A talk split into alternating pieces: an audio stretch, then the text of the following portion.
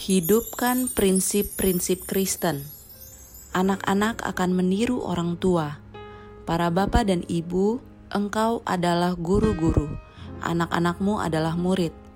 Nada suaramu, pembawaanmu, rohmu ditiru oleh anak-anakmu yang masih kecil.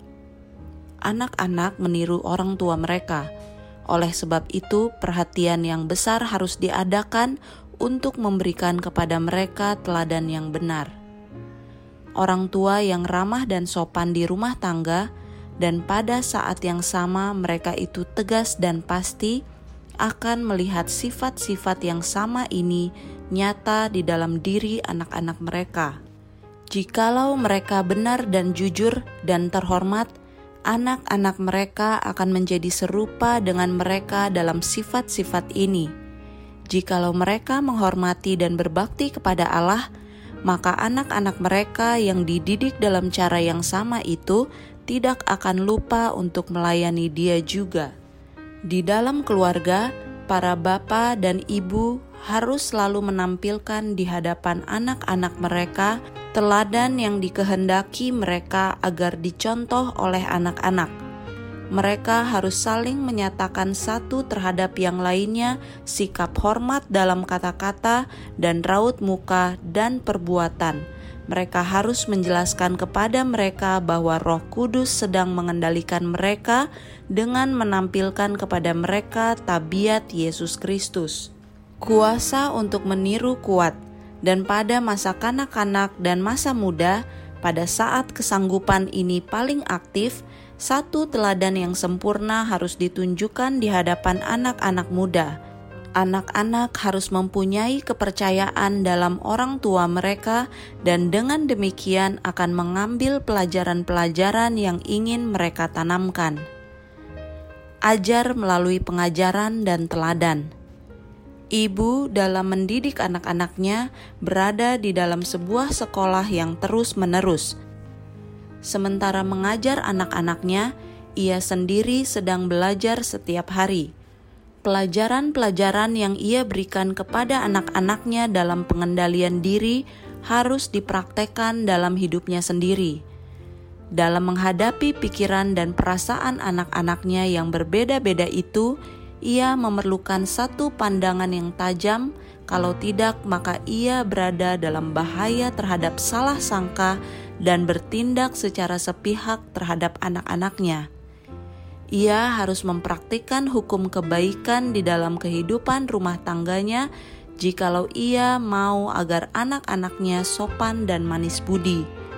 Dengan demikian, mereka mengulang-ulangi pelajaran-pelajaran itu oleh pengajaran dan teladan setiap hari. Para guru di sekolah akan berbuat sesuatu untuk mendidik anak-anakmu tetapi teladanmu akan berbuat lebih banyak daripada yang dapat dilaksanakan oleh cara yang lain-lainnya. Pembicaraanmu, caramu mengurus usahamu, apa yang engkau suka dan apa yang engkau tidak suka, yang engkau nyatakan, semuanya ini akan menolong dalam membentuk tabiat. Pembawaan yang ramah, pengendalian diri, sikap tenang, kesopan santunan yang dilihat anak-anak di dalam dirimu akan merupakan pelajaran harian kepadanya. Sebagaimana halnya waktu, pendidikan ini akan berlangsung terus, dan kecenderungan daripada sekolah harian ini haruslah dimaksudkan untuk menjadikan anakmu sebagaimana harusnya. Waspadalah agar engkau tidak bersikap kasar terhadap anak-anakmu. Tuntutlah penurutan dan jangan biarkan dirimu berkata-kata sembarangan kepada anak-anakmu, oleh karena tindakan dan kata-katamu adalah buku pelajaran mereka. Tolong mereka dengan lemah lembut dan dengan halus selama masa ini dalam kehidupan mereka. Biarlah sinar matahari kehadiranmu itu menjadi sinar matahari di dalam hati mereka. Anak-anak lelaki dan perempuan yang sedang bertumbuh ini peka sekali perasaan mereka, dan dengan kekasaran engkau bisa merusak seluruh hidup mereka. Hati-hatilah para ibu, jangan sekali-kali memarahi, oleh karena hal ini tidak pernah menolong. orang tua harus menjadi teladan pengendalian diri. Anak-anak harus dijaga sedapat-dapatnya dari keributan. Oleh sebab itu, ibu harus tenang dan tidak tergesa-gesa, bebas daripada segala keributan dan ketergesa-gesaan. Ini adalah sebuah sekolah disiplin bagi dirinya sendiri, sebagaimana bagi anak-anaknya. Sementara mengajarkan kepada anak-anaknya pelajaran-pelajaran tentang penyangkalan diri, ia sedang mendidik dirinya sendiri untuk menjadi contoh kepada anak-anaknya. Sementara dengan penuh perhatian ia mengerjakan tanah hati anak-anak itu agar supaya ia dapat menaklukkan kecenderungan alamiah yang berdosa itu, ia sedang memperkembangkan buah-buah roh itu dalam kata-kata dan pembawaannya sendiri. Satu kemenangan yang diperoleh terhadap dirimu sendiri akan mendatangkan manfaat yang besar dan dorongan bagi anak-anakmu engkau dapat berdiri di atas tanah yang lebih tinggi sambil berkata, "Saya adalah kebun Allah, saya adalah bangunan Allah. Saya menempatkan diri di bawah tangannya untuk dibentuk sesuai dengan peta ilahi." agar saya bisa menjadi orang yang bekerja sama dengan Allah dalam membentuk pikiran dan tabiat anak-anak saya, sehingga akan lebih mudah bagi mereka berjalan pada jalan Tuhan para bapak dan ibu, bila mana engkau dapat mengendalikan dirimu sendiri, maka engkau akan memperoleh kemenangan-kemenangan yang besar dalam mengendalikan anak-anakmu. Buah-buah pengendalian diri. Orang tua, setiap kali engkau kehilangan pengendalian diri dan berkata-kata serta bertindak dengan tidak sabar, maka engkau berdosa terhadap Allah malaikat pencatat itu menuliskan setiap kata yang diucapkan di hadapan mereka dengan marah dan terlanjur, dalam cara yang tidak hati-hati atau dalam senda gurau. Setiap kata yang tidak suci dan agung ia catat sebagai satu noda dalam tabiat kekristenanmu. Berbicaralah dengan manis kepada anak-anakmu. Ingatlah betapa pekanya dirimu itu betapa tidak sabarnya engkau untuk menahan diri bila mana dipersalahkan, dan jangan letakkan di atas diri mereka apa yang engkau tidak dapat tanggung. Oleh karena mereka itu adalah lebih lemah daripada engkau dan tidak bisa menanggung beban yang sama. Buah-buah daripada pengendalian diri, sikap memikirkan orang lain, dan kerja keras di pihakmu akan menjadi seratus kali ganda. Biarlah kata-katamu yang menyenangkan dan penuh kesukaan itu senantiasa menjadi seperti sinar matahari di dalam keluargamu. Jikalau orang tua menghendaki agar anak-anak mereka menjadi benar dan berbuat yang benar, mereka sendiri harus benar dalam teori dan dalam perbuatan. Anak-anak dipengaruhi oleh pembawaan orang-orang yang mengaku diri Kristen ada anak-anak orang-orang yang memelihara hari Sabat yang sudah diajar untuk memelihara hari Sabat sejak masa muda mereka. Beberapa dari antara mereka adalah anak-anak yang sangat baik, setia kepada tugas sehubungan dengan perkara-perkara yang fana, tetapi mereka tidak mempunyai suatu keyakinan yang dalam tentang dosa dan tidak merasakan keperluan bertobat dari dosa. Orang-orang seperti itu berada dalam keadaan yang berbahaya.